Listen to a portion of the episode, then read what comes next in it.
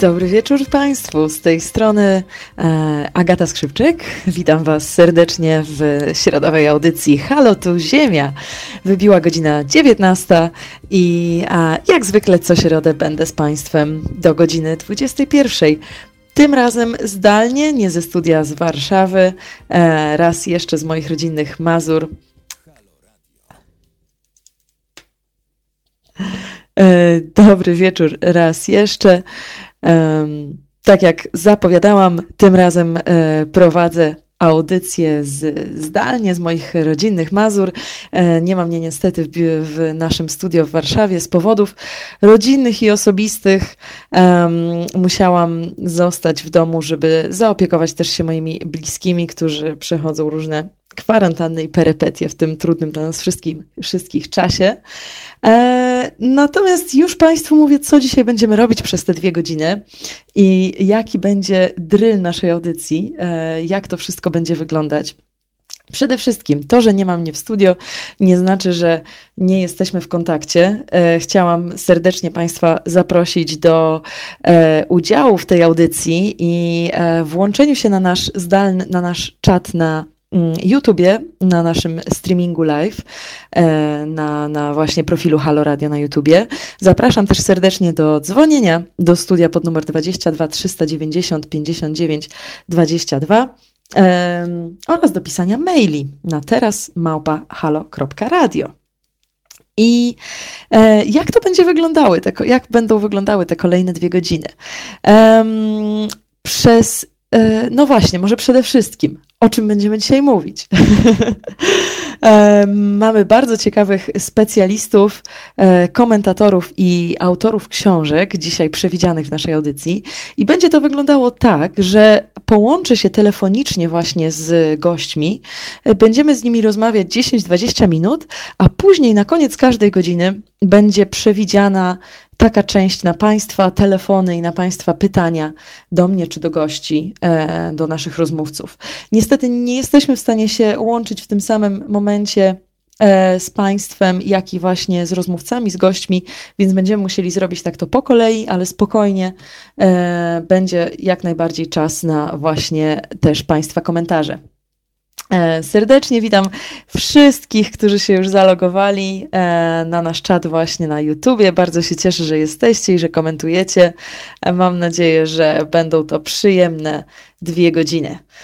Um, super, więc co my mamy dzisiaj przygotowane dla Państwa? Hmm, ciężko jest w zasadzie e, nie mówić. Wiem, że może już Państwo mają dosyć tematu koronawirusa, natomiast Wpływa on na niezwykle wiele obszarów, e, zarówno naszego życia takiego społecznego, zdrowotnego, kulturalnego, ale też na gospodarkę. I właśnie w tym ujęciu klimatycznym i energetycznym ta sytuacja, przez którą teraz przechodzimy, mnie najbardziej interesuje. Um, Pewnie się Państwo orientują, że w 2009 roku zostały ustalone tak zwane cele klimatyczno-energetyczne dla krajów członkowskich Unii Europejskiej e, i w celach tych sprecyzowano trzy takie mm, drogowskazy, które powinniśmy e, spełnić, trzy takie cele, warunki, które powinniśmy spełnić właśnie do roku, do końca roku 2020. E, cele te, już Państwu powiem, o czym one, czego w ogóle dotyczą. Jeden z tych celów mówi o tym, że powinniśmy ograniczyć emisję gazów cieplarnianych o 20% w stosunku do poziomów z, dwa, z 1990 roku. E, dla Polski cel tutaj został ustalony na 15%. Nie, nie, tutaj jest 20% rzeczywiście. Drugi cel to taki, że e, powinniśmy zwiększyć udział e, energii ze źródeł odnawialnych w całkowitym zużyciu energii w kraju na 15% w przypadku Polski, czyli 15% w miksie energetycznym, a trzeci cel dotyczy zwiększenia o 20% efektywności energetycznej.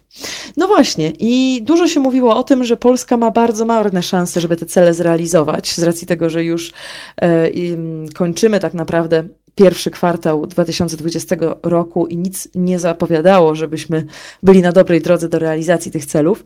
Mm, natomiast wiadomo, że cała sytuacja y, wywołana wirusem korona, korono, koronawirusem wpływa bardzo na gospodarkę i na zużycie i produkcję energii elektrycznej również, ale też właśnie na emisję w naszym kraju.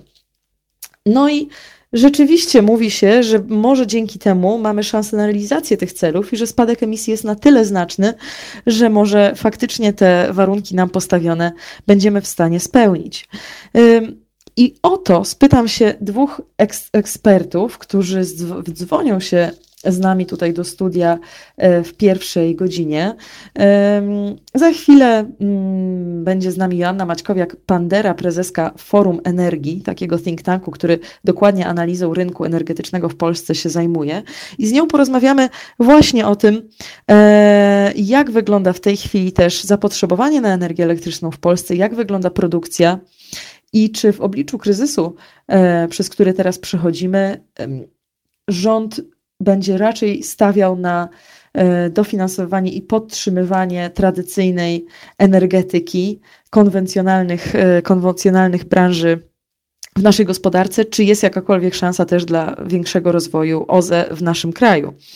Później chwilkę będziemy się kontaktować z Radkiem Korzyckim, komentatorem, dziennikarzem i też z nim będziemy o tym rozmawiać, czy, mm, czy w ogóle jest możliwa realizacja tych celów klimatycznych wystawionych właśnie teraz Polsce i jak będzie wyglądała sytuacja po kryzysie, bo też to jest bardzo ważne. E, nawet jeżeli teraz emisje są obniżone, nawet jeżeli w tej chwili możemy mieć zapatrywania trochę takie bardziej e, proklimatyczne, to mm, ciekawym jest to, że już kryzys finansowy w 2007-2008 roku pokazał nam, że nawet jeżeli gospodarka zwalnia w czasie takiego kryzysu i co za tym idzie, emisje też się zmniejszają, to później niestety, kiedy kryzys się kończy, e, rząd dofinansowuje branże, które niekoniecznie są e, prośrodowiskowe, często są po prostu trucicielami, czy właśnie konwencjonalną energetyką i e, te emisje po prostu później odbijają. Więc zastanawiającym jest, czy w tej chwili będzie tak samo, czy po tym kryzysie, kryzysie, kiedy już w końcu przez niego przejdziemy, nie wiadomo ile to potrwa, to czy nie będzie po prostu tak, że później ta machina konsumpcji i produkcji napędzi się tak, że z powrotem wrócimy do, do tych wyższych e, poziomów emisji. Więc na to właśnie przewidujemy tą pierwszą godzinę. Tak jak powiedziałam wcześniej, e, kolejne 20 minut mm, poświęcimy na rozmowy z ekspertami, natomiast później ostatnie 10 minut tej godziny e, będzie otwarte dla Państwa na Wasze telefony, na Wasze maile, na Wasze komentarze. Eksperci też będą pod telefonem, żeby w razie czego odpowiedzieć na, na postawione przez Was pytania. E, w drugiej godzinie z kolei będziemy rozmawiać o trochę takim popularnym w tej chwili trendzie zwracania się w kierunku natury, z racji tego, że miasta nam już niewiele są w stanie zaoferować. Poza tym, że powietrze jest trochę czystsze, to, to już to życie miejskie y, nie ma takiego, nie ma takiego znaczenia, nie, ma takiej, nie jest w takiej formie, jak było kiedyś. Więc wydaje się, że mm, zwracanie się w kierunku natury przeprowadzanie się w takie miejsca bardziej, bardziej naturalne, gdzieś tam w lesie czy, czy, czy nad zbiornikami wodnymi jest teraz e, zdecydowanie bardziej, no, wydaje mi się, lepszym rozwiązaniem niż zostanie w centrum miasta. Daje to też możliwość chociażby niezależnej uprawy żywności, która w tej chwili e, bardzo, bardzo by się przydała. E, I o tym będziemy rozmawiać właśnie przez tą drugą godzinę. Będzie z nami Magda Bębenek, która właśnie zebrała mm, jakiś czas temu, zakończyła zbiórkę pieniędzy na swoją najnowszą książkę Nazywać się ona będzie Świat naszych marzeń. Jest to książka, e, zbiór wywiadów z kobietami, które działają w różny sposób na rzecz między innymi ekologii, czy też sprawiedliwości społecznej. Magda też przeprowadziła różne inne ciekawe ekologiczne akcje, między innymi Las w Nas. No i właśnie z nią na ten temat porozmawiamy. I tutaj też pod koniec tej rozmowy będzie zostawiony czas na Państwa pytania i komentarze, e, jeżeli chcieliby Państwo wejść tutaj w jakąś rozmowę właśnie z naszą gościnią. No dobrze, to co? To mi teraz zostało zaprosić Państwa na chwilę jeszcze wytchnienia i piosenkę The Final Countdown zespołu Europe. Po paru minutach jesteśmy już e, z powrotem z Wami razem z naszą pierwszą gościnią. Halo Radio. Gadamy i trochę gramy.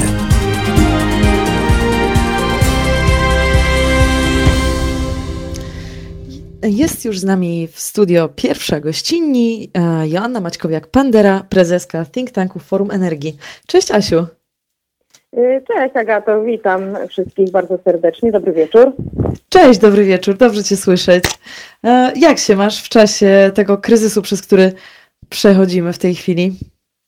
No, nasza praca się bardzo sprawnie przeniosła do, y, do, do domów. Cały nasz zespół e, pracuje w tej chwili zdalnie e, i ogólnie e, mamy pełne ręce roboty, dlatego że no, głównie pracujemy nad analizami i nad transformacją energetyczną, więc są nawet pewne plusy, że mamy teraz czas, żeby się trochę zastanowić.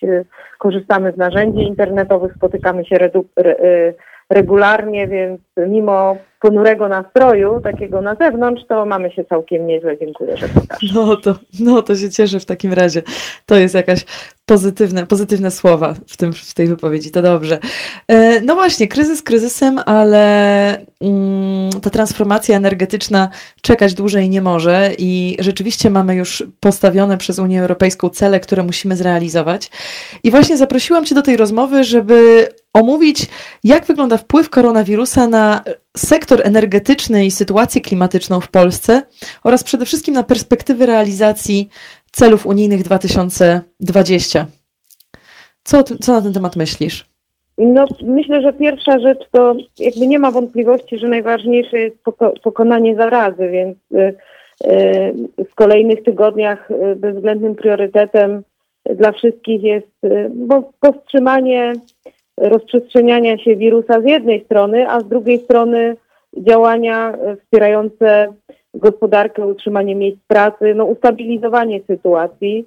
Paradoksalnie jest tak, że koronawirus, ponieważ zapotrzebowanie na energię elektryczną w Polsce zmniejszyło się w ostatnich dwóch tygodniach o 7%, a nawet w niektórych okresach o 8,5%, to paradoksalnie ma to też przełożenie na redukcję emisji CO2, więc można powiedzieć, że kryzys wywołany przez koronawirusa przybliża nas do realizacji europejskich celów. E, to jest też tak, że, e, że dzięki kryzysowi i temu, że właśnie to zapotrzebowanie na energię elektryczną jest mniejsze, to statystycznie e, wygląda też tak, że mamy więcej źródeł odnawialnych w systemie. Także jeżeli jeszcze dwa miesiące temu, trzy miesiące temu wyglądało, że nie wykonamy naszych e, zobowiązań europejskich, unijnych w 2020 roku, bo musimy, e, mamy pewne zobowiązania właśnie z zakresu redukcji emisji CO2, OZE, odnawialnych źródeł energii, efektywności energetycznej, to teraz może to być łatwiejsze. Więc hmm. to jest jakiś, no nie chcę powiedzieć pozytywny aspekt, bo myślę, że mimo wszystko to jest chwilowe i na pewno za parę tygodni, miesięcy wrócimy do stanu, który był. No i właśnie będziemy się dalej borykać e, z problemami e, takimi strukturalnymi naszej energetyki, czystego powietrza e, mhm. i tego, że na przykład dzisiaj jest taka bardzo krąży mapka po internecie, która pokazuje, że w całej Europie ze względu na to, że transport, y, ruch samochodowy znacząco zmalał, no to Polska już jest jedynym czerwonym punktem na mapie Europy, jeżeli chodzi o, o, o mm, zanieczyszczenia powietrza, no bo u nas transport to jest y, jedno źródło emisji, ale też mamy zanieczyszczenia pochodzące ze spalania paliw w gospodarstwach domowych, ogrzewania. Mhm. No, no właśnie, a jak wygląda szansa realizacji, realizacji tego y, celu związanego z ograniczeniem emisji gazów cieplarnianych. Dla Polski ten cel jest wystawiony na 15%, prawda? To znaczy my, jeżeli chodzi o redukcję y, y, emisji CO2, to my tak naprawdę mamy przede wszystkim, to jest mechanizm rynkowy, w którym cel jest y, indykatywny, on jest nawet trochę wyższy, bo to jest 20%, ale to nie jest tak, że jeżeli my tego celu redukcji emisji nie spełnimy, to grożą nam jakieś kary. Y, jedyny mm, czynnik, który tutaj nas zmusza do tego, żebyśmy redukowali emisje, to są uprawnienia y, do emisji, czyli przemysł, energetyka y, musi kupować uprawnienia do emisji CO2. Żeby wyemitować jedną tonę, no to jeszcze niedawno trzeba było płacić 25 euro za tonę. W tej chwili też dosłownie w ciągu dwóch tygodni te ceny spadły do 16 euro za tonę, więc motywacja tak naprawdę finansowa, czyli taka, no bo to jest taki rodzaj kary, no zarabia oczywiście na tym budżet państwa, bo to jest tak, że to są wpływy do budżetu państwa, mhm. które na, nasze państwo może wy, przeznaczyć właśnie na różnego rodzaju inwestycje w, w czyste źródła energii, ale suma summarum to jest tak, że to nie ma takiej e, bicza nad nami, że jak nie wykonamy tego celu, to, to nas pokaże albo będziemy płacić kary, tylko po prostu będziemy płacić coraz więcej za uprawnienia do emisji CO2, bo też jest jakaś tam bezpłatna pula, która się redukuje. E, no więc to jest taki mhm. bardziej popycha nas i instrumenty finansowe nas popychają do mhm. tego, żebyśmy ograniczali emisję.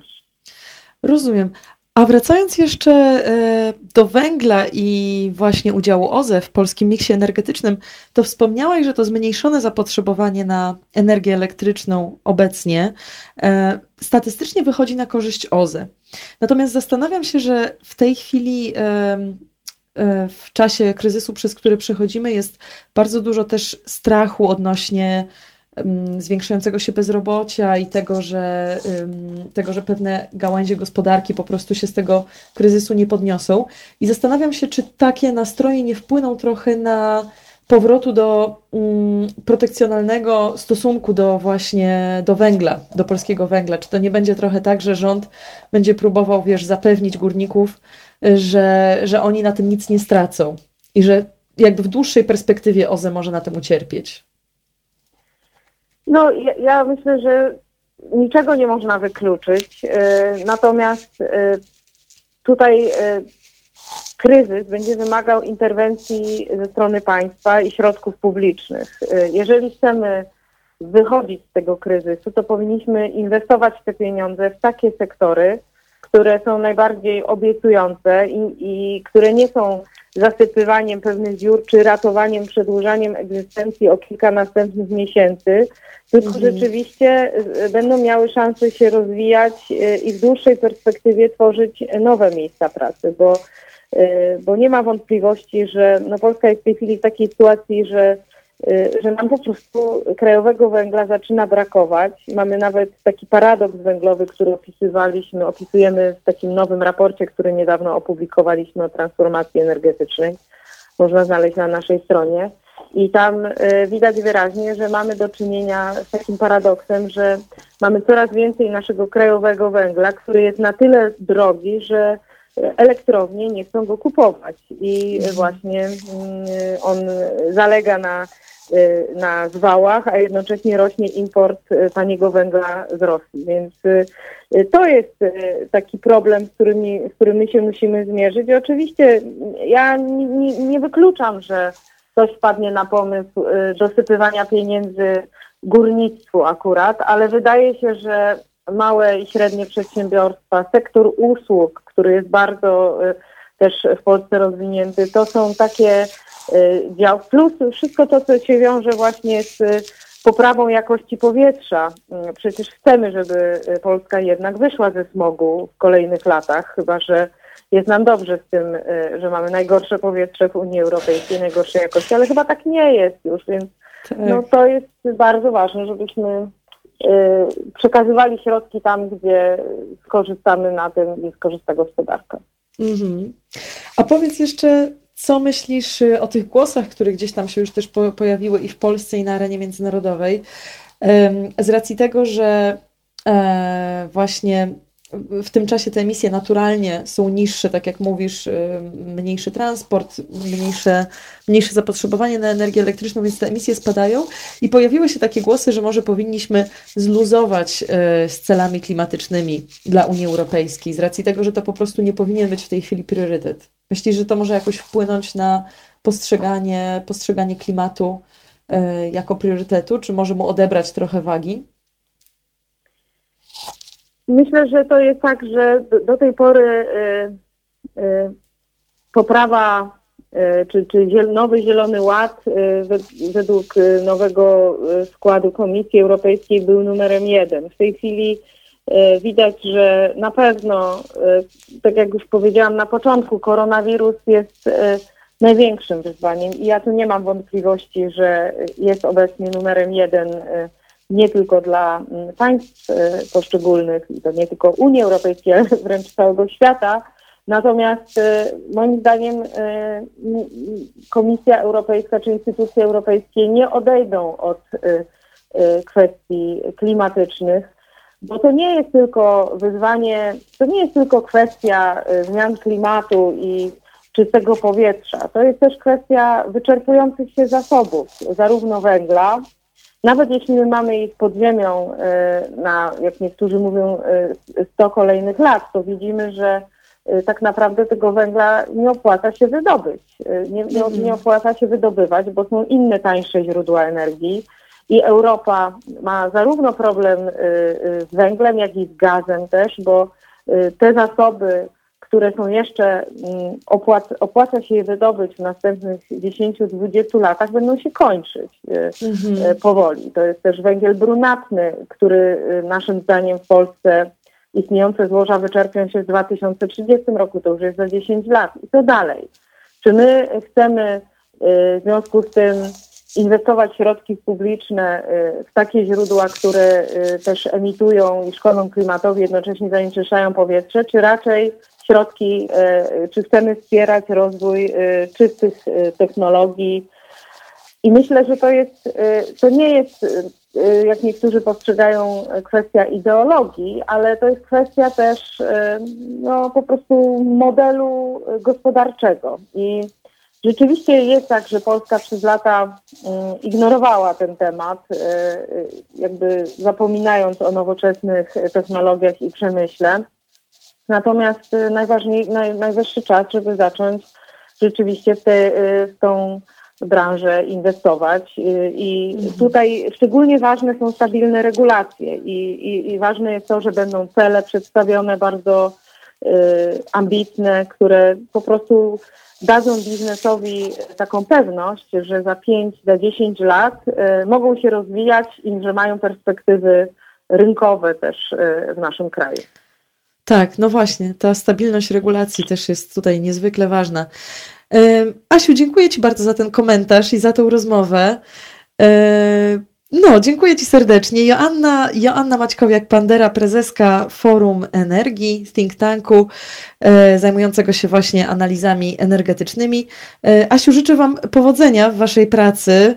E, mam nadzieję, że wszystko Wam będzie szło tutaj bez żadnych problemów. Dziękuję Ci jeszcze raz za tą rozmowę. Bardzo, bardzo Ci dziękuję Agato i wszystkim życzę miłego wieczoru i dużo zdrowia na, w kolejnych dniach. Dziękuję serdecznie, Wam również.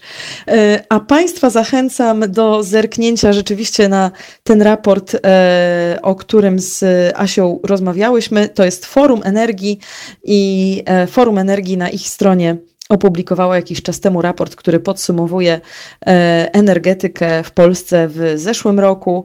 E, mówi tam o tym, jak wyglądał właśnie udział energii odnawialnej w naszym miksie energetycznym oraz rzeczywiście w bardzo ciekawy sposób przedstawia ten paradoks węgla w Polsce, że polskie elektrownie nie chcą kupować już polskiego węgla, ponieważ jest on po prostu zbyt drogi i taniej jest go importować. Więc y, te tematy też węgla pojawiają się bardzo często w naszym radiu, nie tylko w moich audycjach, więc myślę, że jest to dobre źródło informacji i warto tam zerknąć. E, dobrze, to była nasza pierwsza rozmówczyni. Po przerwie będziemy kontynuować ten temat, e, bo rzeczywiście, tak jak jeden z naszych już stałych tutaj słuchaczy e, właśnie wspomniał na czacie na YouTubie, zmiany klimatu są zdecydowanie poważniejszym problemem dla ludzkości niż pandemia. I faktycznie ciężko jest teraz myśleć na jakikolwiek inny temat, bo pandemia, sytuacja z koronawirusem jest faktycznie bardzo y, pilną i poważną sprawą. Natomiast nie można zapominać, że zagłada klimatyczna, no bo w, tych, w tym kontekście trzeba mówić o, o zmianach klimatów mm, na świecie. Zagłada klimatyczna będzie zbierać dużo większe żniwa niż, e, niż pandemia, przez którą przechodzimy, więc nadal nie możemy tracić tego z naszego horyzontu i myśleć, że to są jakieś tam drugoplanowe w tej chwili priorytety. E, dobrze, wracamy po przerwie, e, a tymczasem zapraszam Was na Garego Mura, Still Got the Blues.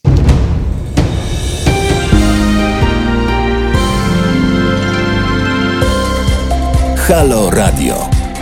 Pierwsze medium obywatelskie.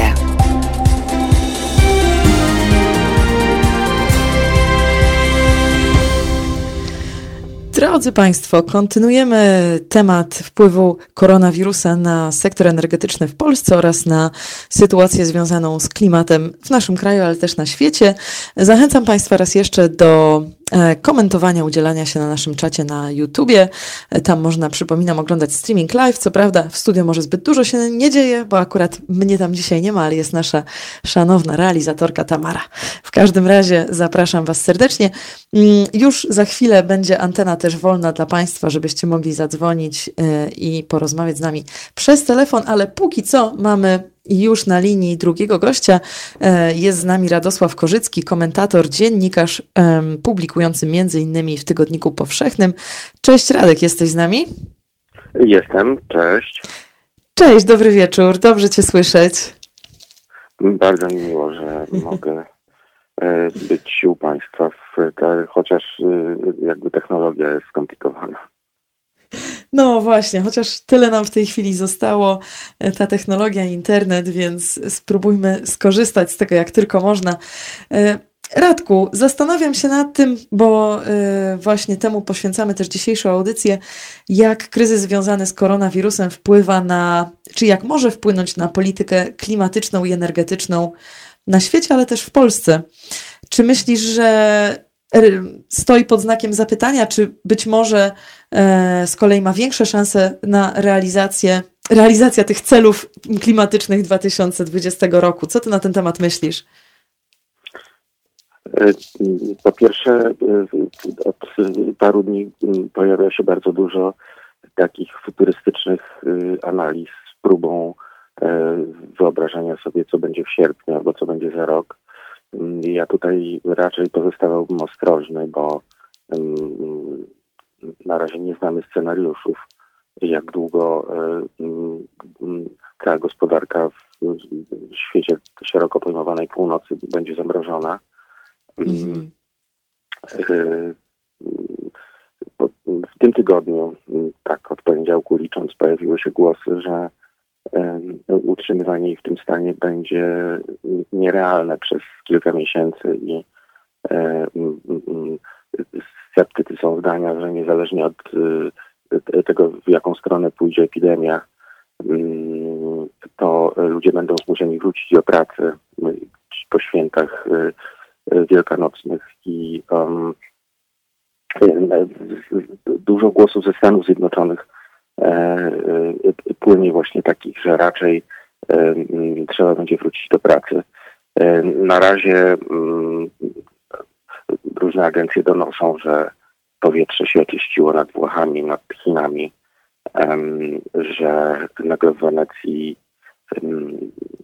woda zrobiła się przejrzysta, bo z powodu tak.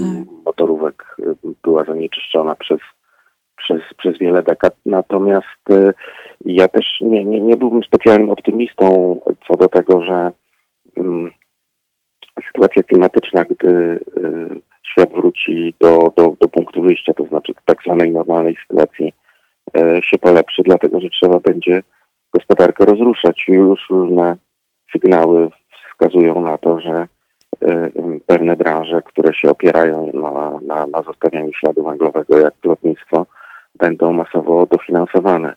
Mm, a druga rzecz y, y, to moim zdaniem już zresztą y, czeski premier Babisz zapowiedział, trzeba, trzeba, trzeba tutaj powiedzieć, że energetyka w Czechach oparta jest o węgiel, tak jak u nas. Jest tam też, też, też mm, energia nuklearna ale y, już zaproponował rewizję i, i powrót do y, y, postanowień sprzed karty paryskiej. Zaproponował liderom państw członkowskich Unii Europejskiej. Więc w związku z tym, że nas czeka prawdopodobnie większy kryzys niż kraje starej Unii, to, to obstawiałbym, że polski rząd raczej będzie chciał na tej sytuacji skorzystać i swoją agendę E, korzystania z tradycyjnych źródeł energii nawet wzmocnić. Mhm. No właśnie, tak też e, faktycznie też mi się tak wydaje, że w obliczu takiego kryzysu, nawet jeżeli to nie jest prawda, to odnawialne źródła energii mogą się wydawać bardzo zawodne czy bardzo takie nieprzewidywalne. I takie mam wrażenie, że są duże szanse na to, że jak już może nawet w trakcie, ale też jak z niego wyjdziemy, to, że mm, rzeczywiście dofinansowywanie węgla, dalsze utrzymywanie też węgla w Polsce będzie może e, bardziej atrakcyjne niż, niż gdzieś tam rozwijanie nowych, nowych branż energetycznych, że taki, taki stosunek zachowawczy jednak do tej energetyki czy do klimatu może, może się umocnić, prawda? Moim zdaniem e, rząd, tłumacząc konieczność opierania się w dalszym ciągu na węglu, E, będzie to tłumaczyć wyższą koniecznością dziejową i takim momentem cywilizacyjnym, w którym w zasadzie nie stoimy przed żadnym wyborem. No właśnie. Ze względu na to, że, że mm, no, mm, no już jesteśmy w recesji. E, nie znam danych e, GUS-u, pewnie ich jeszcze nie ma. Mm, ile, ile ludzi ucierpi na tym zamrożeniu gospodarki w sumie mikroprzedsiębiorstw, czyli ludzi, którzy są na samozatrudnieniu i, i ludzi, którzy są na e, umowach cywilnoprawnych w Polsce jest e, około 2,7-2,8 miliona. I już 10 kwietnia najprawdopodobniej się okaże, e, ile ludzi nie ma pieniędzy na następny miesiąc. To jest moment tak. wypłat z umów cywilnoprawnych. Mhm. Y, y, no i że, że jakoś trzeba będzie to wszystko rozruszać. Y, a w związku z tym trzeba będzie, prawdopodobnie rząd tak to będzie tłumaczyć, no cofnąć się w, w, a z perspektywy zresztą tego rządu to nie będzie cofnięcie się, tylko, tylko, tylko wzmacnianie tej narracji no, w opozycji do, do, do krajów stałej jeśli chodzi o, o OZE. No właśnie. E, też rzeczywiście mm, chwilę przed tym, zanim się połączyliśmy, wspominałam przykład kryzysu finansowego w 2007 roku, w którym też podobnie jak teraz e, rzeczywiście emisje gazów cieplarnianych podczas tego kryzysu z oczywistych względów się zmniejszyły, natomiast chwilę po kryzysie, właśnie przez to, że branże były na nowo dofinansowywane i e, ten rozruch musiał nastąpić, to emisje znów strzeliły w górę. I mam wrażenie, że tutaj może być coś podobnego.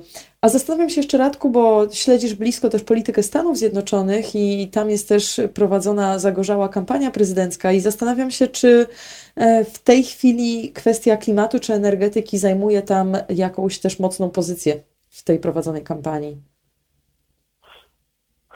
E, zanim e, ogłoszono pandemię i zanim mm, w zasadzie y, wszystkie wysiłki y, Waszyngtonu, to znaczy władzy i y, prezydenta i władzy ustawodawczej skupiły się na tym kryzysie, czy rozwiązywaniu go, czy szukaniu rozwiązań, czy mówieniu o nim, tak samo uwaga mediów, no to toczyły się demokratyczne prawybory, teraz te, które pozostały zostały przesunięte na koniec maja i na czerwiec. Też nie wiadomo, czy się nie odbędą korespondencyjnie.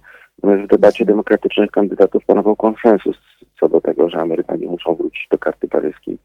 Więc gdyby e, wybory miał wygrać demokrata, no to w Ameryce nastąpiłby, nastąpiłby ekologiczny przełom, a przynajmniej powrót do, do polityki Baracka Obamy, bo e, w ciągu ostatnich e, trzech lat trzech, trzech lat i dwóch miesięcy Ameryka jest w dużym regresie, jeśli chodzi o, o walkę z um, um, emisją gazów cieplarnianych, z limitami. Pamiętajmy też, że jest to kraj sfederalizowany. W zasadzie często wchodzi sobie w paradę władza federalna w Waszyngtonie z władzami stanowymi, wielu gubernatorów prowadzi swoją autorską politykę i im bardziej jest to mm, e, prawicowy stan, tym jest większe przyzwolenie na, na, na, na zużywanie fossil fuels i też mhm. nawet na promocję, na, czy wręcz powiedziałbym na na renesans tego, na przykład Wirginii Zachodniej, która jest stanem opartym o górnictwo węgla kamiennego czy Kentucky. Mhm. A Trump się wycofał z regulowania różnych rzeczy, które miały miejsce za czasów Baracka Obamy i zezwolił w zasadzie na, na przejęcie odpowiedzialności przez, przez, przez stanowe rządy, w związku z czym na przykład właśnie w Irpień Zachodniej jest, y, otwiera się kopalnie jakiś czas temu zamknięte, bo się to nagle zaczęło opłacać. Tak, właśnie.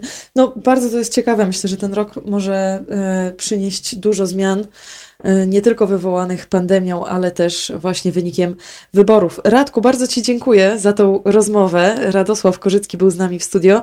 Mam nadzieję, dziękuję że będziemy mieli przy, przyjemność jeszcze spotkać się osobiście w tym studio. Za Miejmy nadzieję, czas. że jak najszybciej, tak. Jak najbardziej. Zdrowia Ci dużo życzę i ciepła w ten środowy wieczór. Do usłyszenia. Również pozdrawiam Państwa wszystkich. Dzięki.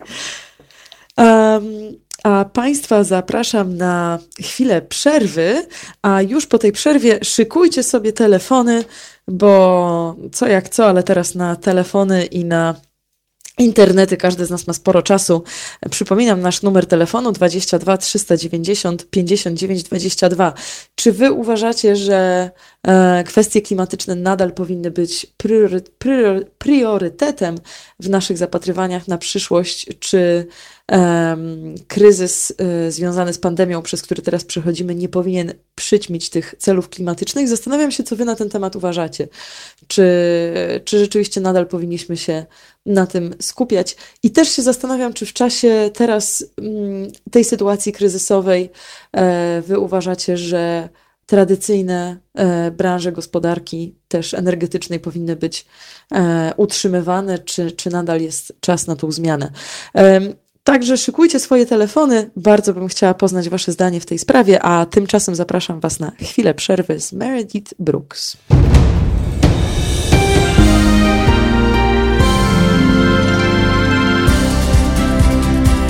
Halo Radio. Pierwsze radio z wizją.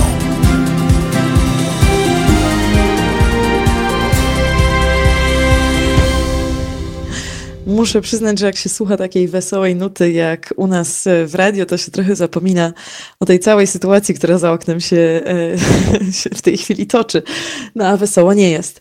No właśnie, też z tego powodu nadaję dzisiaj nie z naszego studia warszawskiego, a zdalnie z moich rodzinnych Mazur, ale muszę pochwalić całe, całe w ogóle kierownictwo naszego radia oraz wszystkich realizatorów, bo nie wiem, czy Państwo wiecie, ale wykonują oni naprawdę fantastyczną robotę, ponieważ wszyscy nasi realizatorzy są cały czas w studio i pracują, starają się jak najbardziej, um, pracują nad tym, żeby Państwo mogli naszego Halo Radio słuchać niezmiennie, niezależnie od tego, co się dzieje, żebyśmy w, w takich sytuacjach, w takim czasie tym bardziej byli dla Was.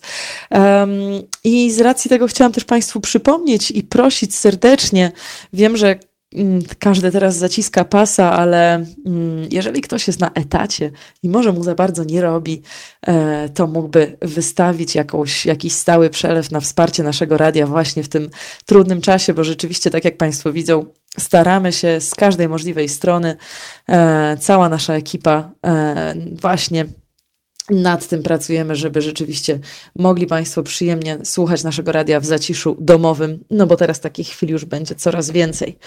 Um, no właśnie, mm, drodzy Państwo, rzeczywiście rozmawialiśmy tutaj e, w tej pierwszej godzinie o tym, że nie możemy tracić celów klimatycznych z oczu, niezależnie od tego, przez jaki trudny czas w tej chwili przechodzimy, bo kryzys klimatyczny może być dużo, dużo większy, gorszy w skutkach będzie prawdopodobnie niż to, co w tej chwili się dzieje.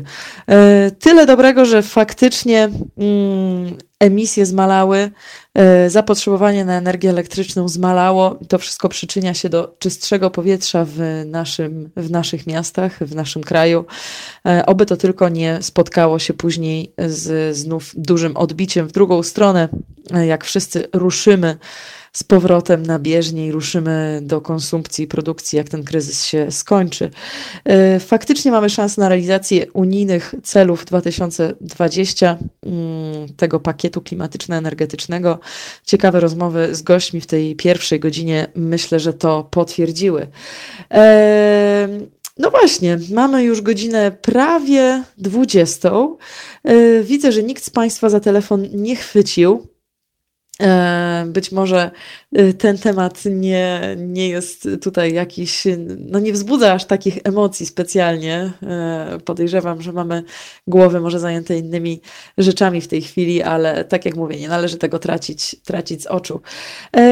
No dobrze, to co, to ja zaproszę Państwa jeszcze na chwilę przerwy, żebyście zrobili sobie herbatę przed kolejną godziną naszej audycji ekologicznej Halo tu Ziemia.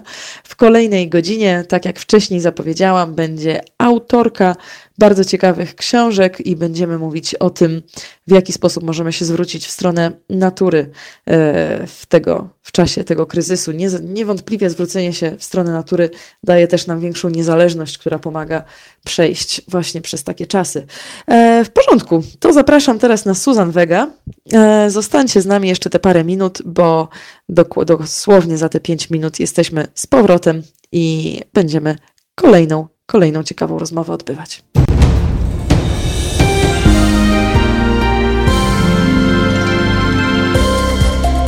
Halo Radio. Pierwsze medium obywatelskie.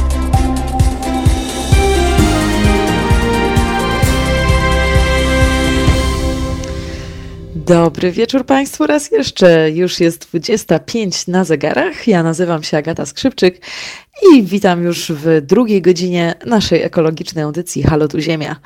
E, temat ekologii myślę, że w, tym, w tych e, dziwacznych czasach, przez które przechodzimy, jest niezwykle ważny. Raz, że nie możemy oczywiście zapominać o zmianach klimatu, które toczą się własnym tempem, oczywiście pchanym przez nas, ale z drugiej strony też, w, kiedy tak wiele jest nam zabronione, jesteśmy ograniczeni na tak wielu różnych polach, wydaje się, że tą naturę doceniamy jeszcze bardziej.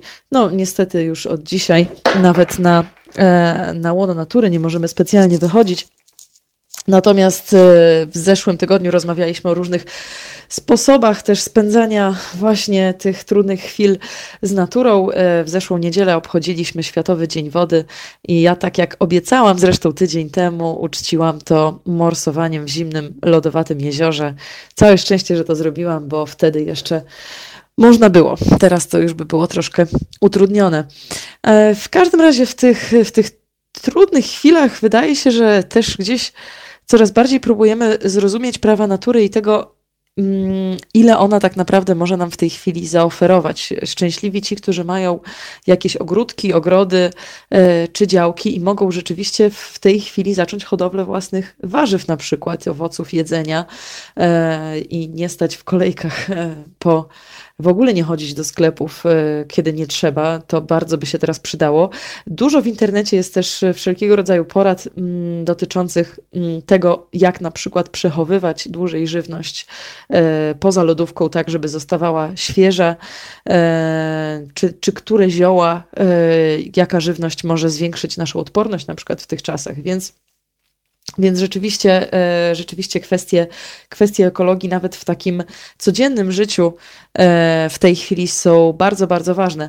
No i właśnie dlatego też zaprosiłam e, kolejną gościnę naszą do rozmowy zdalnej. Wiem, że Magda w tej chwili jest na Kaszubach, więc każdy z nas się troszkę łączy z innego obszaru Polski.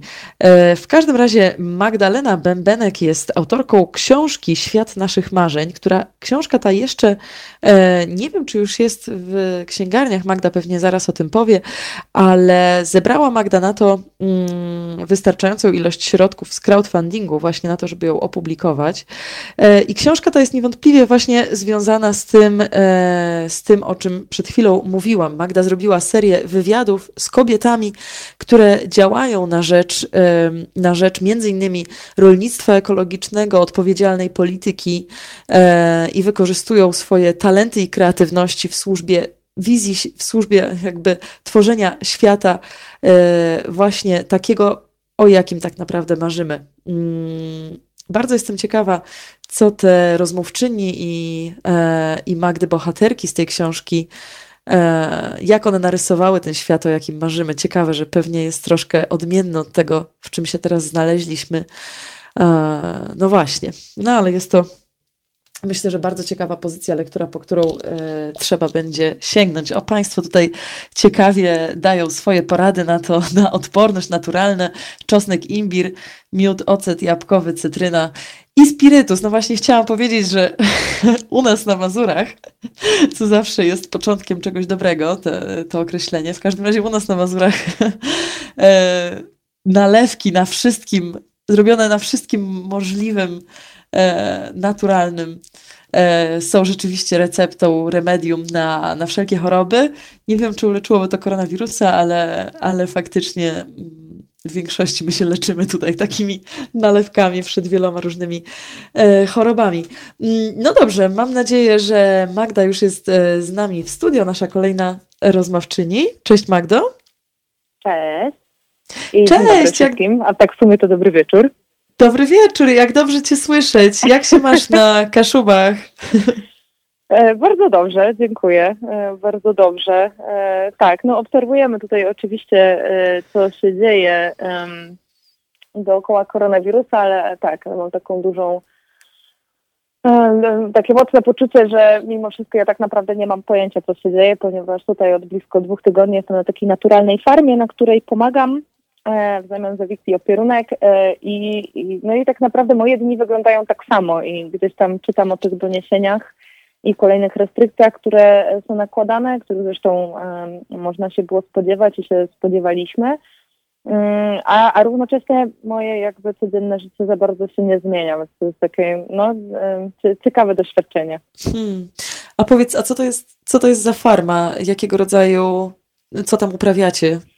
E, tak, znaczy to, to jest takie gospodarstwo naturalne w sumie. No ja, ja to nazywam e, farmą, pewnie można to na wiele różnych sposobów e, nazwać. Miejsce nazywa się Żywa Ziemia.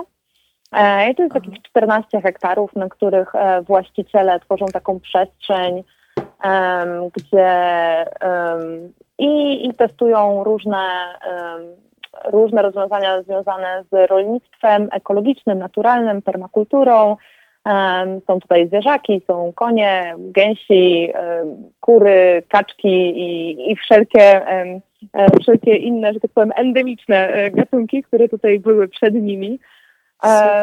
No, są piękne stawy, jakby dużo roślinności, ogrody warzywne. E, no i, i tutaj wraz z partnerem e, pomagamy przy różnych rzeczach, od zawieszania budek dla ptaków przez gotowanie po nie wiem, chociażby właśnie karmienie koni, czy obecnie cielenie ogródka, po jakieś rzeczy związane z obecnością w mediach społecznościowych, czy stroną internetową. Mm, a, a tak regularnie tutaj Kasia i Karl, którzy są, którzy są właścicielami, taka e, para polsko-australijska, e, wynajmują przestrzeń na różne warsztaty, E, treningi i, i, i tym podobne fajne wydarzenia dla osób, które właśnie są zainteresowane takim e, no, szeroko rozumianą ekologią, życiem mm -hmm. bliżej natury, mm, ziołami, właśnie rolnictwem ekologicznym e, i, i wszelkimi tematami też związanymi z no, szeroko pojmowaną duchowością i, i właśnie takim współtworzeniem trochę innego świata i i innym sposobem funkcjonowania niż może to, co znamy gdzieś w takiej kulturze masowej. No właśnie, to co, to co znamy z tej kultury masowej, wydaje się, że w tej chwili troszkę ma mniejszą wartość i faktycznie z chęcią zwracamy się do tej, do tej natury. Myślę, że masz duże szczęście, że możesz być w takim miejscu w tej chwili i um, uciec trochę na, na łono natury, która pozostaje tak jakby niezmienna, no, rządzi się swoimi prawami i zaczyna się wiosna, trzeba warzywa hodować. To też daje pewnie poczucie takiej normalności trochę, prawda, w tym, co się w tej chwili dzieje. Tak, tak. No i dlatego właśnie na początku wspomniałam o takiej, no trochę takim poczuciu, poczuciu życia w dwóch światach, nie? Że jakby wiem, co się dzieje, ale z drugiej strony mam, tak, jestem na tyle uprzywilejowanej sytuacji, że z dnia na dzień mogłam z partnerem podjąć decyzję, że po prostu wyjeżdżamy z Warszawy, ponieważ akurat od kilku miesięcy byliśmy w Warszawie. Mm, no i jedziemy gdzieś do miejsca, gdzie właśnie jak najbardziej będziemy się stosować do wszystkich zaleceń, mając równocześnie dostęp do, do natury i do tej możliwości bycia na zewnątrz, ponieważ jako, że oboje jesteśmy, nie wiem, można by pewnie powiedzieć, wolnymi zawodami, występujemy publicznie, prowadzimy jakieś warsztaty, spotkania, to tak naprawdę przez najbliższych co najmniej kilka miesięcy nie będziemy mieli pracy, więc nie, nie mamy też jakby główne źródło utrzymania nam odpada. E, no a z drugiej strony mamy na tyle gdzieś jakiejś mobilności i taki styl życia wypracowany, gdzie właśnie byliśmy w stanie po prostu stwierdzić dosłownie w przeciągu kilku godzin się spakować e, no i wyjechać z miasta w poszukiwaniu jakiegoś miejsca, w którym na kilka tygodni czy miesięcy tak naprawdę mhm. chyba nikt nie wie, e, będziemy się w stanie e, zatrzymać, no i mm, no i funkcjonować właśnie w sposób, który jest jak najbardziej e, i blisko natury, i w oparciu tak naprawdę właśnie o jakąś lokalną społeczność, bo mhm. no bo tego nas uczy koronawirus, tak, że i jakby nawet nie tyle koronawirus, to jakby nasza reakcja systemowa na, na, na zagrożenia związane z koronawirusem że no, nagle się okazuje, że bardzo ważna jest ta lokalność, ważna jest suwerenność y, żywieniowa, czy danego kraju, czy regionu. E, ważne jest wspieranie e, małych przedsiębiorców, tak, czy rynkodzielników, e, no i też przyjrzenie się właśnie takim szerszym e, sprawom systemowym związanym z tym, jak działa nasza gospodarka. Nagle się okazuje, e, na przykład taki temat, w którym ja e, siedzę dość intensywnie od roku, w którym się staram, jakby, w którym się staram edukować, który staram się też na różne sposoby wcielać w życie, jest związany z wszelkimi jakby objawami gospodarki alternatywnej, czyli jakiejś gospodarki daru, wymiany, no i widzimy tego bardzo dużo. Nagle się okazuje, że muzea mogą w przeciągu kilku dni udostępnić swoje zbiory cyfrowo, tak, że e, nie wiem, e, firmy mogą za darmo udostępnić nam e-booki i audiobooki, e, że ludzie, którzy mają piekarnie, wystawiają zakwasy za darmo w słoikach dla przechodniów wraz z instrukcją, jak upiec własny chleb, tak? Więc widzimy mhm mnóstwo właśnie elementów tego, co tak naprawdę gdzieś no, mieści się w moim obrazie świata, w którym chciałabym żyć. Jakby, e, oczywiście jest, jest, dużo, jest dużo stresu, niepewności, strachu, e, ludzi, którzy wykorzystują ten moment, żeby, nie wiem, starać się oszukać innych, podszywając się pod służbę zdrowia. Jakby oczywiście takie rzeczy są, mm, ale równocześnie jest mnóstwo przejawów E, no, takich zachowań mocno, e, mocno społecznych, mocno lokalnych, mocno właśnie nieopartych na, na jakimś zysku finansowym, na działaniach komercyjnych. E, no i jest to, jest to naprawdę, jak dla mnie, piękne doświadczenie obserwować te aspekty obecnej sytuacji. No właśnie, taki, taki kolektywizm rzeczywiście. To myślisz, że nauczymy się z tego wszystkiego trochę i myślisz, że te rzeczy gdzieś tam zostaną w naszym społeczeństwie, nawet jeżeli już funkcjonowanie wróci do normy? Jak, jak się na to zapatrujesz? No, myślę, że to wszystko zależy od nas. E, jeżeli e, rozpoznamy wartość takich zachowań, jeżeli będziemy sobie stwarzać więcej takich doświadczeń, które sobie teraz stwarzamy, które wychodzą poza te historie świata, w której funkcjonujemy obecnie, to tylko i wyłącznie od nas zależy, czy, czy, czy jakby weźmiemy to dalej. E, no ja mam taką ogromną nadzieję i jakby i swoimi działaniami w życiu osobistym i, i zawodowym no będę dążyć do tego, żeby starać się umacniać te rzeczy, które uważam, że właśnie są wartościowe i pozytywne i dobrze nam kolektywnie robią. Równocześnie, kiedy zadajesz pytanie, czy my się tego nauczymy, ja, ja mam takie głębokie poczucie, że my się nie musimy tego uczyć, bo jakby bardzo szybko w, w tej um, obecnej sytuacji ludzie zaczęli po prostu wracać do pewnych zachowań, które w, no, w innych uwarunkowaniach kulturowych, w innych społecznościach um, funkcjonowały, funkcjonują w różnym stopniu. Więc mhm. mi się wydaje, że właśnie obecna sytuacja jakby nie tyle uczy nas nowych rzeczy, co stwarza nam przestrzeń do tego, żebyśmy powrócili do rzeczy, które gdzieś głęboko w nas są, czyli podzielić się czymś, czyli zapytać, e, czy może sąsiad, sąsiadka czegoś nie potrzebuje, czyli zaoferować swoje usługi za darmo, czyli zmienić, e, nie wiem, charakter tego, co robię, żeby komuś pomóc, że jakby dla mnie to są w przypadku bardzo wielu osób, oczywiście nie wszystkich, ale nikt, nic nigdy nie jest robione przez wszystkich i zawsze, więc to jakby tak. od razu odkładam na bok. E, więc dla mnie to bardzo jest tak, że właśnie wracamy do pewnego naturalnego stanu rzeczy, nie? czyli właśnie do dzielenia się. Jakby w systemach, w systemie finansowym, gospodarczym, w którym e, obecnie funkcjonujemy, mm, jakby um, um, współzawodnictwo jakby jest wpisane w ten system, tak? Jakby tak jak e, tworzone są pieniądze razem z nowymi pieniędzmi tworzony, tworzony jest dług.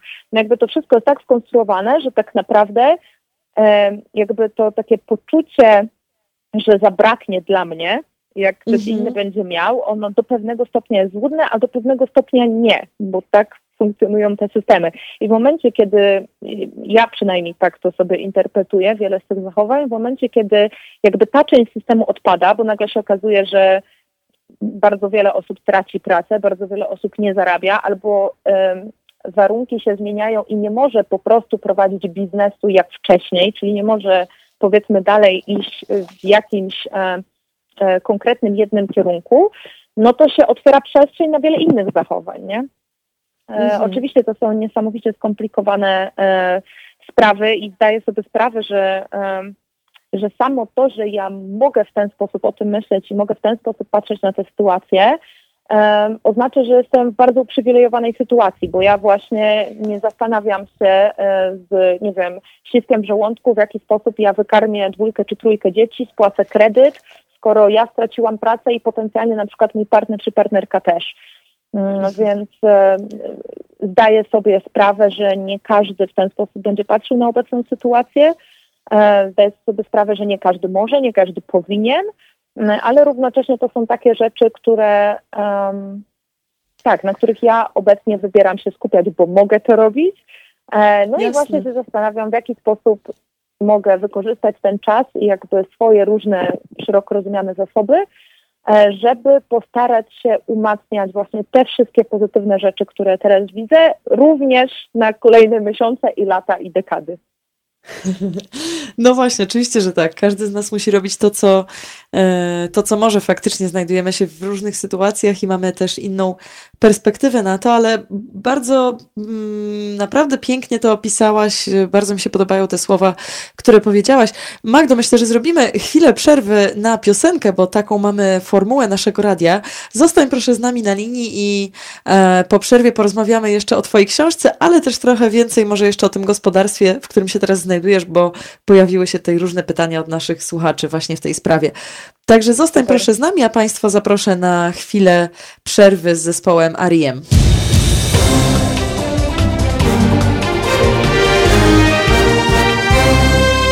Halo Radio. E, mamy już godzinę 25 minut po ósmej. E, ze mną tutaj na linii niezmiennie Magda Bębenek. Jesteś Magdo z nami? Jestem, jestem. No, no, właśnie, wspomniałaś, że jesteś na e, takiej naturalnej, tradycyjnej farmie na Kaszubach i tutaj e, rozpoczęło to małą dyskusję e, wśród naszych słuchaczy na czacie na YouTubie. I ktoś z słuchaczy się spytał, myślę, że może znasz odpowiedź na to pytanie. Mm, jeden słuchacz zadał pytanie, czy ktoś w Polsce dba o zachowanie dawnych odmian warzyw i owoców uprawianych na naszych terenach. Czy w takiej farmie, w której ty jesteś, rzeczywiście dba się o to, żeby to były e, endemiczne gatunki warzyw i owoców, czy faktycznie podtrzymuje się te tradycyjne też może uprawy hodowania tych warzyw? Mhm. Znaczy tak, no mówię, ja tak może to słowo farma użyłam e, i, i, może to też trochę inny obraz e, rysuje niż to jest, to jest gospodarstwo naturalne, więc e, też to Gospodarstwo, właśnie, tak. Mm, tak, jak najbardziej są ludzie, którzy dbają, jakby mają i banki nasion są i, i są w ogóle takie wydarzenia dla szczególnie rolników i rolniczych ekologicznych oraz osób zajmujących się permakulturą, gdzie ludzie wzajemnie wymieniają się nasionami.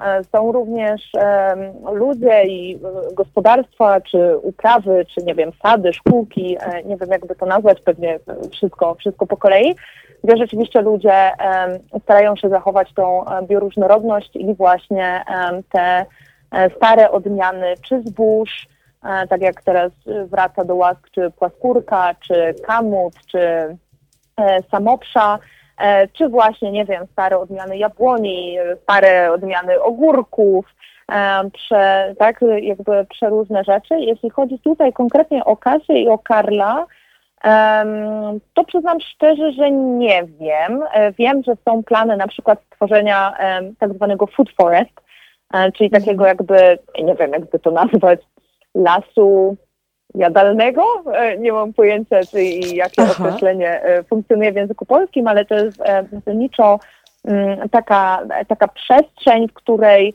robi się kilka warstw e, roślinności, oczywiście różnej, tak? Mamy wysokie drzewa, potem trochę niższe, potem mamy krzewy, e, potem mamy krzaczki jakieś, e, gdzieś pomiędzy tym zioła, a jeszcze jakby w glebie różne, różne jakieś tam kłącza, bulwy i tym podobne. I wiem, że na pewno taki projekt tutaj jest, który no, chwilowo zobaczymy, może się troszeczkę opóźni ze względu na obecną sytuację. Mhm. E, także e, na pewno dzieją się tutaj bardzo fajne rzeczy, zresztą e, tak samo jak w bardzo wielu e, innych e, no, cudownych e, miejscach w całym kraju. Na przykład o takich też ekologicznym rolnictwie, jeżeli kogoś to interesuje, można sobie poczytać chociażby na stronie Ekologicznego Uniwersytetu Ludowego, mhm. gdzie można się w ogóle za darmo, to jest taka E, forma szkolenia dla dorosłych, e, darmowa dwuletnia szkoła dla osób, które chcą się zająć e, rolnictwem ekologicznym. Ma to miejsce w Grzybowej, zresztą współzałożycielka EULU, czyli tego Ekologicznego Uniwersytetu Ludowego, jest jedną z bohaterek właśnie nowej książki. Ekologiczny Uniwersytet Ludowy. Bardzo ciekawe w takim razie. Darmowy, darmowa nauka dla dla ludzi chcących się nauczyć ekologicznego rolnictwa. Warte zapamiętania. No właśnie, ale y, przejdźmy już do Twojej książki Świat naszych mhm. marzeń.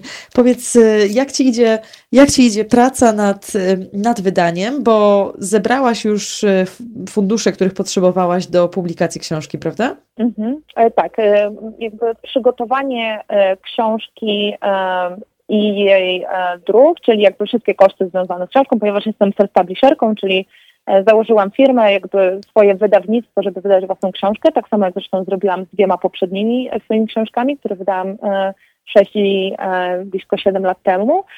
Mm, sfinansowałam z jednej strony dzięki wsparciu firmy sponsorskiej, mecenasa, i, i z drugiej strony dzięki finansowaniu społecznemu, czyli zbiórce, no, tak zwanemu crowdfundingowi. E, książka tak. jest właśnie, mam ją teraz przed sobą od e, dwóch dni, e, pakuję dziesiątki przesyłek, ponieważ w ramach właśnie crowdfundu można było kupić książkę przed sprzedaży. Także teraz siedzę i zawijam jak ten świstek w reberka. I mam nadzieję, że w piątek, najpóźniej w poniedziałek pierwsze książki już polecą w świat. No i niesamowicie się cieszę. Naprawdę E, tak, e, oczywiście jak ze wszystkim na pewno będą różne niedociągnięcia i różne rzeczy i oczywiście też czasem obawiam się oceny albo że może ktoś coś skrytykuje, ale, ale równocześnie mam takie głębokie poczucie, że to jest naprawdę wartościowa książka. Super. E, wybrałam historię super dziewczyn, E, i kobiet. E, tak, na marginesie dziewczyn ja tak nazywam również osoby 70-80-letnie, e, więc tak, żeby ktoś nie pomyślał, że to są tylko jakieś młode Polki, tak, są kobiety w różnym wieku. No i jestem, jestem naprawdę tak. bardzo podekscytowana tym, no przede wszystkim jakie będą refleksje z lektury i um, tak, no i, i co ta no. książka ożywi i odżywi e, w czytelnikach -hmm. i w czytelniczkach. No właśnie, powiedz trochę nam coś więcej o tym, bo e, ja słyszałam też o Twoich poprzednich książkach, nawet miałam je w ręku, a tutaj ta książka nadal jest e, w podobnym formacie. Przeprowadzasz, mhm. E, przeprowadzasz wywiady z różnymi bohaterkami po prostu, nie bohaterkami tylko twojej książki, tylko generalnie takimi bohaterkami e, małego świata, które tworzą, bardzo ważnego. Mhm. A tutaj e, w tej książce poświęcasz uwagę kobietom, które pracują na rzecz e, różnych inicjatyw ekologicznych, społecznych i takiej sprawiedliwości społecznej też można powiedzieć. I czy zadajesz im tutaj pytania o to, mm, jak wygląda ten ich świat marzeń? Czy to jest y, w nawiązaniu do tytułu twojego książki, twojej książki, y, tytułu twojej książki, czy rzeźbicie taki obraz y, tego wymarzonego świata w tej książce? Myślę, że na kilka różnych sposobów. Um, tak, jakby Świat Naszych Marzeń to jest trzecia seria, y, znaczy trzecia książka z serii Polka Potrafi, gdzie przedstawiam właśnie prawdziwe historie kobiet um, jakby z różnych części kraju. Te rozdziały i tej historie nie są wywiad, to, to nie ma formy wywiadu rzeki, tylko to jest po prostu e, tak jakbyśmy się z kimś spotkali przy kawie i taka osoba by nam opowiadała o swoim życiu. E, tak to jest mhm. grubsza, e, taki jest tego format. I tak, z jednej strony zadawałam konkretnie takie pytanie bohaterkom, a z drugiej strony tak naprawdę już sam dobór tych bohaterek, zarówno E, obszarów, w których się poruszają i jakby działań, które prowadzą, jak i tego, jak to robią, e, bo to jest też niesamowicie dla mnie ważne, nie tylko co się robi i dlaczego, ale także jak. Mhm. E, to już samo, jakby myślę, nawet, nawet gdyby nie było takiej konkretnej odpowiedzi, jaką mamy wizję świata, no to tak naprawdę te czyny, doświadczenia, sposób w jaki dziewczyny organizują pracę, współpracują z innymi, to już samo jakby kreśli e, wizję tego świata naszych marzeń, ale tak, e, w kilku rozdziałach rzeczywiście taki e, troszkę obszerniejszy opis wizji danej bohaterki się znajduje. W niektórych obszarach nie jest to, znaczy w niektórych rozdziałach nie jest to tak bezpośrednio przekazane, no ale tak jak mówię, jakby ich słowa i, i czyny E, mówią same za siebie w tym, w tym obszarze, myślę.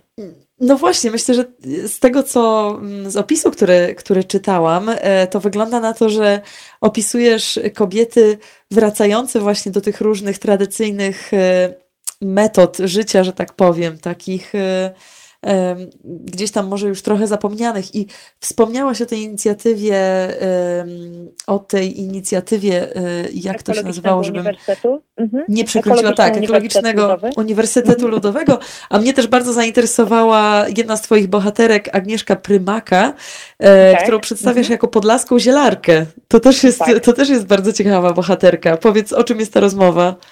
E, tak, e, tak, jeśli chodzi, wiesz to, e, to nie jest tak, że jakby ekologia oczywiście jest jakby wspólnym rysem w ogóle całej książki i wszystkich naszych rozmów, ale to nie jest tak, że wszystkie bohaterki się bezpośrednio zajmują, nie wiem, ziołami, czy naturalną medycyną, czy czymś takim. Jakby tak, są dziewczyny, które to robią, ale nie wiem, jest też polityczka, jest operatorka kamery, są dziewczyny, które prowadzą własny biznes, E, jest dziewczyna, która się zajmuje dialogiem międzyreligijnym, e, jest dziewczyna, która e, pomaga innym wychodzić z zaburzeń odżywiania, także tych obszarów poruszamy bardzo wiele. Mhm. Jeśli chodzi o samą Agnieszkę, to jest to osoba, którą poznaliśmy w Puszczy Knyszyńskiej, w której mieszkaliśmy przez no, blisko półtora roku, prowadząc projekt Las w Nas, który zresztą nadal funkcjonuje, można nas na Instagramie znaleźć. I z Agą rozmawiamy już konkretnie właśnie o ziołach, o ziołolecznictwie, ale też o takim powrac, jakby z jednej strony pobieraniu nauk od natury, jakby poprzez jej obserwacje, przez przebywanie w naturze, e, przez własne próby właśnie, nie wiem, czego uczy nas prowadzenie ogrodu chociażby, czy, czy praca z ziołami, e, również zahaczamy o, o taki element jakby życia w zgodzie z naturą, który się objawia chociażby w tym, że zaczynamy zestrajać nasz cykl dobowy z, z, z wędrówką słońca po niebie. E, mhm. Tak, a równocześnie no, jest to historia e, samotnej e, mamy dwójki e, młodych dzieci, która mieszka gdzieś na kolonii której też bardzo, jakby, której życie mm, e, miało bardzo wiele różnych e, zakrętów, która w pewnym momencie postanowiła odejść z pracy, która ją nie satysfakcjonowała i też nie dawała za bardzo bezpieczeństwa finansowego i zaryzykowała właśnie tak przejście do zawodowego zajmowania się ziołami, prowadzenia przeróżnych warsztatów. Także te, nawet w tej historii, w której tak skupiamy się na roślinach, na tej ekologii, nawet tam są jakby też różne płaszczyzny. Nie? I myślę, że to znajdziemy naprawdę każdy, jakby każda ta historia e, jest naprawdę wielowątkowa, wielopoziomowa i, i no, naprawdę, nie, ja jestem Super. zachwycona. Super, jesteś zachwycona, to najważniejsze, żeby być z własnej pracy zadowolonym. A powiedz, a kiedy ta książka będzie do kupienia już? Czy ona wejdzie już właśnie do, do tradycyjnych księgarni? A, już jest. Nie, nie będzie nie. w tradycyjnych księgarniach. E, książka jest do nabycia u mnie na stronie. E, strona magdabębenek.pl. E, można tak też na Instagramie napisać, zawsze e, link podrzucę. Mm, póki co książka będzie dostępna przez stronę, no to też jest tak, że ja ją zaczęłam pisać rok temu i też ostatnie kilka lat miałam takich bardzo spokojnych, gdzie właśnie mało występowałam publicznie, nie prowadziłam warsztatów i ta wiosna, właśnie od marca wraz z wydaniem tej książki miałam ruszyć w trasę po Polsce i w końcu się spotykać z ludźmi. No i oczywiście idealnie izolacja, więc tak, to zmienia trochę planów. Ale, ale mimo wszystko na razie, na razie książkę można zdobyć u mnie, a, a co będzie później, to, to zobaczymy. No ale niewątpliwie ta izolacja jest dobrym czasem na nadrabianie właśnie z e, nowymi lekturami, więc to też jest, tak. wiesz, e, może czas na to. No. A powiedz jeszcze, I, mhm. e, chciałam się jeszcze spytać o, o ten projekt Las w Nas, żebyś właśnie mhm. chwilkę krótko powiedziała, czego on dotyczył. E, tak, e, jakby w ramach Las w Nas wraz z moim partnerem, który ma no, takie mocne doświadczenie leśne, ponieważ się urodził, wychował w lesie na Pomorzu, gdzieś tam w leśniczówce z dala od, od, od cywilizacji, że tak powiem. E, I też jest po studiach przyrodniczych, więc on ma taką dużą wiedzę mm, właśnie o przyrodzie, pod takim kątem, nie wiem, co to za roślina, co lubi, jakie procesy się zadziewają w lesie, jak na przykład cały ekosystem ze sobą funkcjonuje, które elementy jak wpływają na inne elementy. E, I Piotrek prowadzi swój kanał na YouTubie, który się nazywa Piotr Chorzela Opowiada. I tam ma serię filmów o lesie. I to robił zanim się poznaliśmy. Ja z drugiej strony jakby robiłam jakieś swoje rzeczy, głównie pracowałam z kobietami ale nie tylko. E, no i jak się e, poznaliśmy, weszliśmy ze sobą w związek e, i, i wymyśliliśmy, że chcemy się wyprowadzić gdzieś do lasu, żeby właśnie chwilę, chwilę pobyć bliżej natury i, no i też mieć bliżej do tak, studia nagraniowego. czyli właśnie między, między drzewa, no to, to wymyśliliśmy właśnie taki jakby tak, projekt Parasolkę, e, który e, zawiera zarówno takie elementy typowo przy, wiedzy przyrodniczej, e, którą wnosi Piotrek i właśnie takiej szeroko rozumianej ekologii, powrotu do natury w życiu codziennym, też w ostatnich miesiącach coraz więcej udostępniam takich treści związanych z z rdzennym podejściem do życia, z różnymi, e, tak, z różnymi kulturami ze świata, które troszeczkę inaczej niż nasza, mm, nasza kultura podchodzą do chociażby związku z, e, z resztą e, przyrody i, i świata natury.